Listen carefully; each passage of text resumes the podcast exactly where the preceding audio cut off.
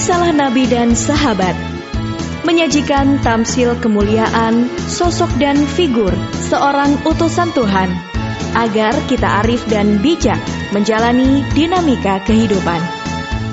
Cermin langkah hidup kemarin, sekarang, dan hari kemudian.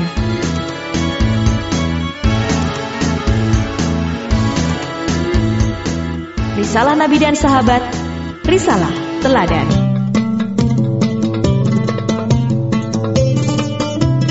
Insan Edukasi, kita ikuti cerita tentang risalah Nabi dan sahabat dari Radio Edukasi. Insan Edukasi, kali ini Ustadz Supriyanto Pasir akan bercerita tentang Nabi Harun alaihissalam. Insan Edukasi, Harun bin Imran bin Kahit bin Lawi bin Yakub bin Ishak bin Ibrahim ialah saudara seibu Nabi Musa. Harun diutuskan untuk membantu Musa memimpin Bani Israel ke jalan yang benar. Firman Allah bermaksud, dan kami telah menganugerahkan kepadanya sebahagian rahmat kami, yaitu saudaranya Harun menjadi seorang nabi. Harun dilahirkan tiga tahun sebelum Musa. Beliau yang fasih berbicara dan mempunyai pendirian tetap sering mengikuti Musa dalam menyampaikan dakwah kepada Fir'aun, Haman, dan Korun. Insan edukasi berikut kisah Nabi Harun alaihissalam.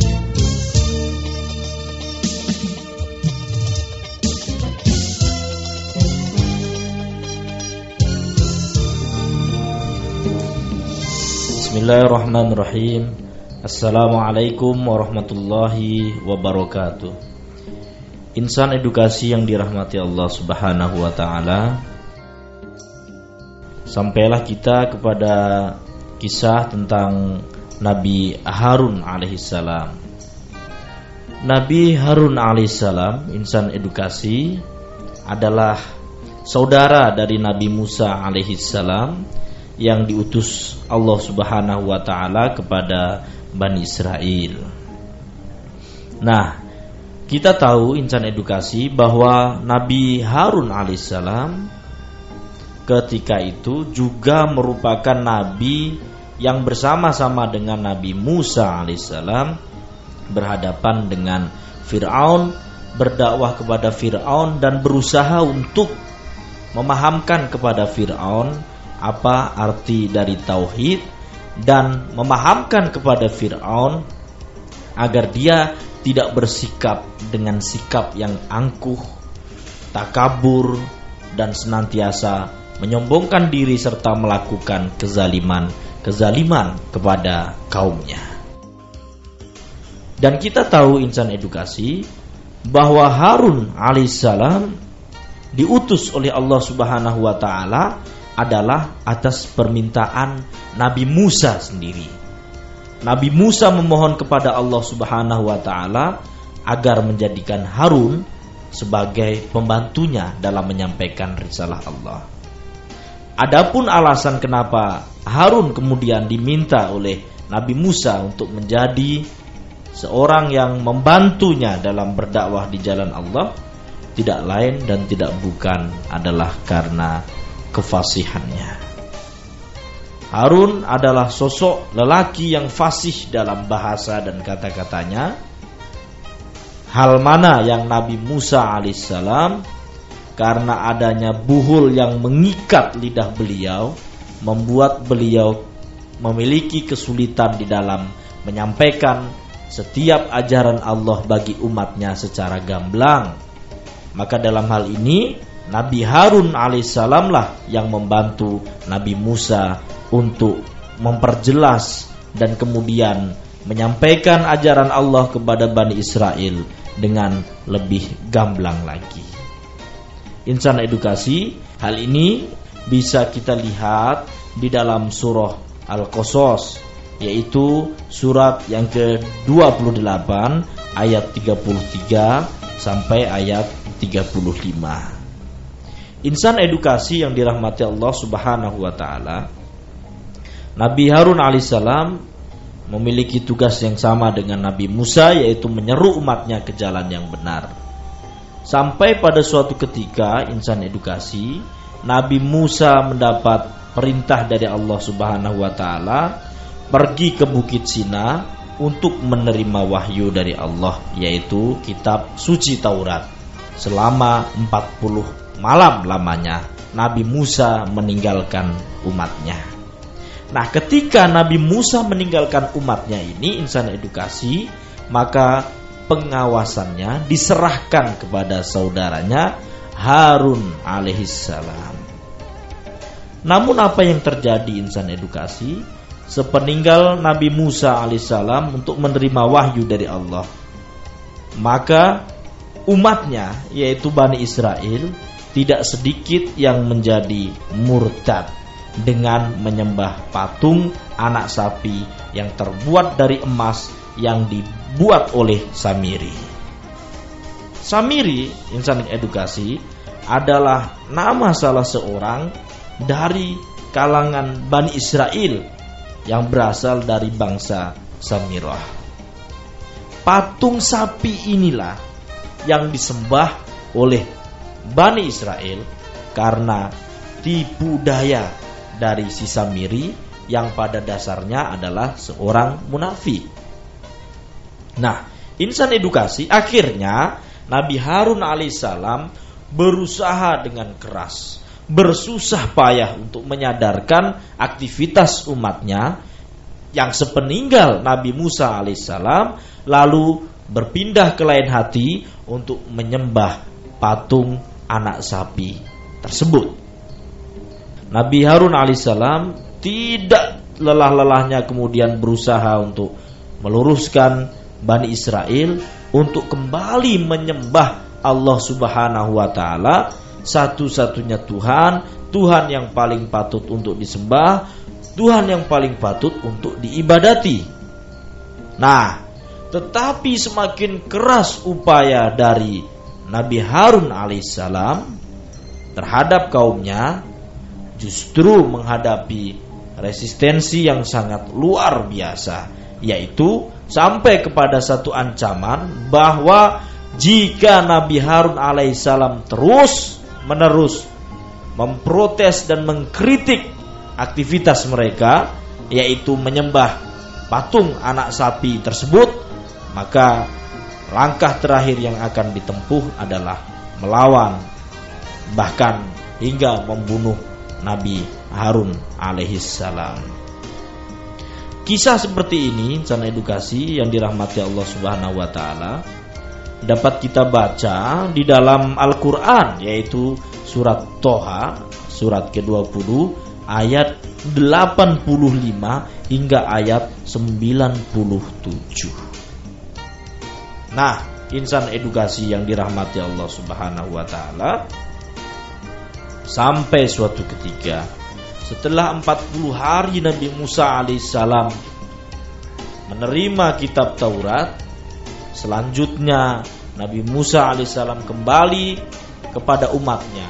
Betapa terkejutnya Nabi Musa alaihissalam ketika mengetahui bahwa umatnya telah melakukan satu tindakan yang sudah keluar dari ajaran Allah Subhanahu wa taala di mana umatnya kemudian menyembah patung anak sapi. Insan edukasi, orang yang pertama kali menjadi sasaran kemarahan Nabi Musa alaihissalam tidak lain dan tidak bukan adalah saudaranya sendiri yang kepadanya amanah serta tanggung jawab itu dititipkan yaitu bahwa dia harus melakukan dakwah dan selalu mengawal sikap serta perilaku Bani Israel. Namun apa mau dikata? Yang terjadi kemudian adalah mereka telah berpindah dalam menyembah Allah Subhanahu wa taala. Tuhan yang esa, Tuhan yang hanya satu-satunya yang patut disembah. Hal itu membuat Nabi Musa alaihissalam marah dan lalu memegang jenggot dari Nabi Harun dan bertanya, "Apa yang kamu lakukan, saudaraku?" selama ku tinggal 40 hari untuk menerima kitab suci Taurat dari Allah Subhanahu wa taala.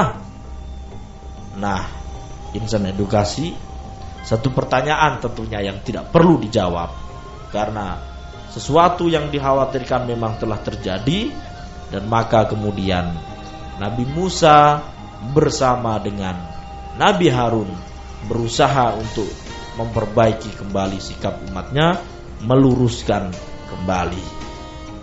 Namun, tindakan-tindakan mereka memang adalah satu tindakan yang tersesat, satu tindakan yang melampaui batas. Sehingga akhirnya Allah Subhanahu wa taala melalui firman-Nya kepada Nabi Musa alaihissalam memerintahkan kepada mereka jika memang mereka benar-benar ingin bertaubat kepada Allah maka satu hal yang harus mereka lakukan adalah mereka harus membunuh diri mereka sendiri. Hal itu insan edukasi yang dirahmati Allah termaktub di dalam kitab suci Al-Qur'an yaitu di dalam surah Al-Baqarah surah kedua ayat 54. Dan ingatlah ketika Musa berkata kepada kaumnya, "Hai kaumku, sesungguhnya kalian telah menganiaya diri kalian sendiri karena kalian telah menyembah dan menjadikan anak lembu sebagai Tuhan. Bertaubatlah kepada Allah yang menjadikan kalian dan bunuhlah diri kalian sendiri. Demikian itu lebih baik bagi kalian di sisi Allah yang menjadikan kalian. Allah akan menerima taubat kalian karena Ia Maha penerima taubat dan Maha penyayang. Insan edukasi yang dirahmati Allah Subhanahu wa taala maka akhirnya Bani Israel membunuh diri mereka sendiri. Memang insan edukasi dalam beberapa penafsiran terjadi perbedaan pendapat terkait dengan bunuh diri ini. Apakah mereka sesama mereka saling membunuh ataukah mereka memang benar-benar dalam membunuh dirinya sendiri?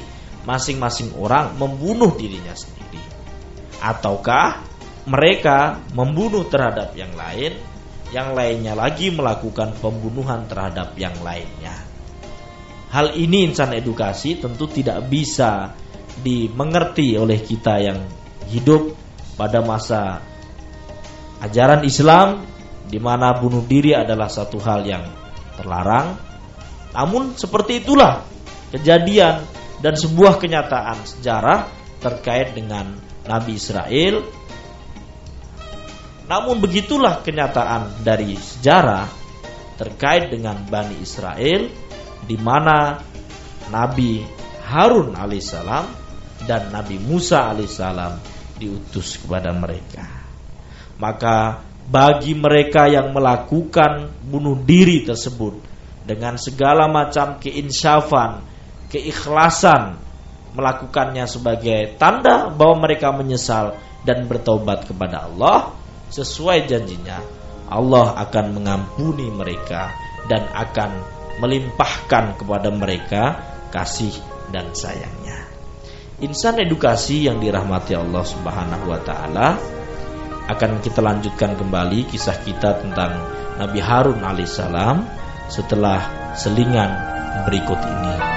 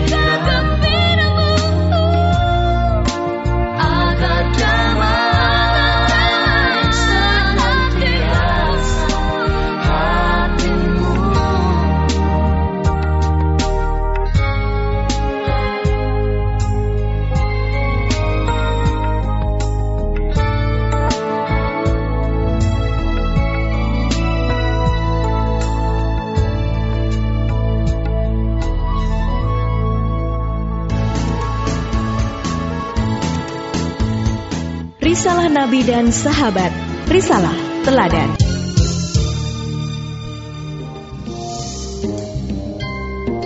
Insan edukasi yang dirahmati Allah Kita lanjutkan kembali Kisah kita tentang Nabi Harun alaihissalam Yang diutus Allah subhanahu wa ta'ala Kepada kaum atau kepada umat yang kita kenal dengan sebutan Bani Israel. Bani Israel itu sendiri insan edukasi adalah anak-anak keturunan dari Israel. Dan Israel ini insan edukasi tidak lain dan tidak bukan adalah nama lain dari Nabi Yakub alaihissalam. Sehingga kalau dikatakan Bani Israel itu berarti adalah anak-anak keturunan dari Nabi Yakub alaihissalam. Insan edukasi yang dirahmati Allah Subhanahu wa taala. Kita tahu dari kisah kita tadi bahwa Nabi Harun alaihissalam adalah seorang nabi yang memiliki kemampuan public speaking yang sangat luar biasa, memiliki kefasihan dalam berkata-kata dan menjelaskan suatu kandungan makna dalam sebuah kalimat kepada umatnya dengan cara yang sebaik-baiknya. Satu pilihan kemudian kenapa Nabi Musa alaihissalam memohon kepada Allah Subhanahu wa taala agar saudaranya ini dapat membantunya dalam berdakwah kepada Bani Israel insan edukasi. Dari hal tersebut kita dapat menarik satu pengertian penting bahwa sesungguhnya yang namanya seruan atau ajakan menuju kepada ajaran Allah, dakwah menuju Allah itu memang membutuhkan satu kemampuan atau teknik di dalam menyampaikannya dengan metode yang sebaik-baiknya kepada umat. Penjelasan yang sejelas-jelasnya, penerangan yang seterang-terangnya, dengan logika-logika yang bisa dimengerti oleh umatnya, dan dengan bahasa yang santun dan fasih adalah satu hal yang penting agar umat kemudian dapat menerima ajakan atau dakwah kita tanpa adanya kesalahpahaman-kesalahpahaman. Akibat kurangnya atau kurang jelasnya apa yang kita sampaikan kepada mereka. Itu yang pertama. Selanjutnya, bahwa satu amanah itu memang benar-benar harus dijalankan sesuai keinginan yang memberi amanah atau yang memberikan kepercayaan kepada kita insan edukasi. Seperti halnya Nabi Musa alaihissalam mempercayai Harun bahwa Harun kemudian sepeninggal Nabi Musa menerima perintah Allah tersebut harus melakukan tugas untuk terus dan senantiasa berdakwah kepada umatnya yaitu Bani Israel. Dan itu sudah dilakukan oleh Nabi Harun alaihissalam dengan sebaik-baiknya. Artinya Nabi Harun adalah seorang yang amanah. Tetap melaksanakan apa yang diamanahkan kepadanya oleh Nabi Musa alaihissalam, saudaranya sendiri, meskipun dia diancam untuk dibunuh oleh umatnya yang merasa risih dengan segala macam aktivitas dari Nabi Harun yang berusaha melarang aktivitas mereka menyembah patung anak sapi tersebut. Dan kita kemudian insan edukasi bisa mengatakan bahwa sesungguhnya upaya kita sebagai manusia ketika sudah kita lakukan sebaik-baiknya selanjutnya kita serahkan kepada Allah Subhanahu wa taala. Tugas kita hanyalah menyampaikan kebenaran-kebenaran itu dan kemudian meluruskan segala macam hal yang salah dengan sekemampuan dan semaksimal apa yang kita miliki. Namun jika lo ternyata orang yang kita seru tidak mau mengikuti apa yang kita serukan kepada mereka insan edukasi, maka selanjutnya bukan tanggung jawab kita dan bukan wewenang kita untuk menjadikan mereka tunduk dan mau untuk menjadikan mereka tetap beriman. Hal itu sepenuhnya adalah hak Allah Subhanahu wa taala sehingga kita tidak memiliki hak apa pun terhadap keimanan maupun ketundukan mereka terhadap apa yang kita sampaikan. Seluruh nabi hampir menyadari hal itu sebagaimana telah Allah bisikkan melalui wahyunya kepada para nabi itu bahwa kewajiban mereka hanyalah menyampaikan berita kabar gembira dan kabar tentang siksa bagi siapa saja yang membangkang ajaran Allah Subhanahu wa taala.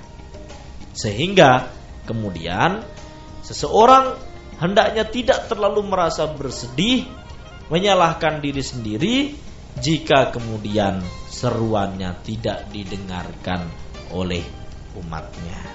Ini insan edukasi yang dirahmati Allah adalah satu hal yang sangat penting untuk selalu menjadi pemahaman kita bahwa hendaknya kegagalan atau penolakan dari objek dakwah kita jangan membuat kita jangan membuat seseorang lalu berputus asa tidak lagi kemudian peduli untuk menyampaikan pesan-pesan dakwah. Karena tugas kita hanyalah menyampaikan. Menerima atau tidak setelah kita melakukannya dengan metode yang paling baik, setelah kita melakukan pendekatan dan kemudian segala macam upaya kita semaksimal yang kita miliki, termasuk doa untuk kesadaran bagi umat, tetap saja mereka membandel dan tidak mau menerima seruan dakwah kita, kita serahkan semuanya kepada Allah Subhanahu wa taala. Nabi saja tidak bisa kemudian memaksa seseorang untuk beriman dan meninggalkan kekafiran, apalagi kita sebagai umat atau manusia biasa yang tidak secara langsung dibimbing oleh wahyu Allah Subhanahu wa taala. Selanjutnya insan edukasi bahwa kita sebagai umat hendaknya selalu memperhatikan segala macam seruan, nasihat yang diberikan kepada kita.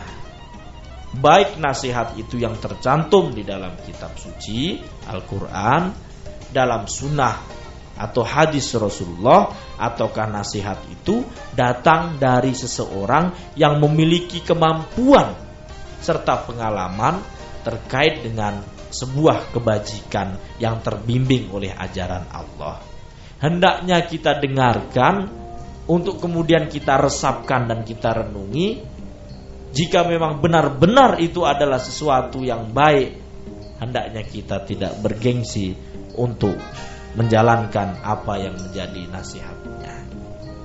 Adapun jika ternyata kita kurang berkenan cukuplah itu kita simpan untuk sementara waktu dan tetap menjadi bahan renungan kita mungkin di suatu saat hal itu akan benar-benar menanamkan satu benih pemahaman yang benar terhadap ajaran agama kita. Sehingga bagaimanapun seseorang melakukan perbuatan-perbuatan yang melanggar aturan Allah, semua ada konsekuensinya. Inilah satu tanda dari seseorang yang mengalami kedewasaan di dalam beragama beragama secara ikhlas, beragama secara sadar, menjalankan syariat agama dengan penuh keikhlasan dan kesadaran.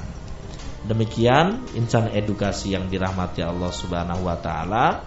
Saya Mas Pasir mengharapkan cerita kita tentang Nabi Harun alaihissalam ini dan juga kaitannya dengan Nabi Musa alaihissalam yang diutus bagi kalangan Bani Israel kesabaran-kesabaran beliau, kesabaran-kesabaran beliau, semangat beliau dalam menyampaikan dakwah, kemudian harapan-harapan beliau terhadap umatnya yang sudah sedemikian parahnya mudah-mudahan menjadikan satu pelajaran bagi kita sebagai penyampai kebenaran ataukah kita sebagai penerima dari kebenaran tersebut. Demikian mudah-mudahan Allah menuntun kita menuju kepada ajaran yang benar dan kita dapat mengamalkannya dalam kehidupan yang nyata. Demikian insan edukasi Wassalamualaikum warahmatullahi wabarakatuh.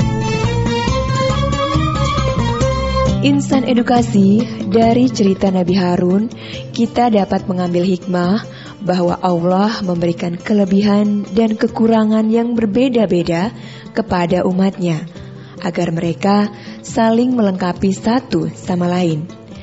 Dan kepercayaan yang diberikan oleh orang lain merupakan amanah dan tanggung jawab bagi orang yang diberi. Risalah Nabi dan sahabat telah disampaikan. Tinggal bagaimana kita bisa mengambil pelajaran dari sosok dan figur seorang utusan Tuhan, agar kita berbahagian dalam mengarungi kehidupan.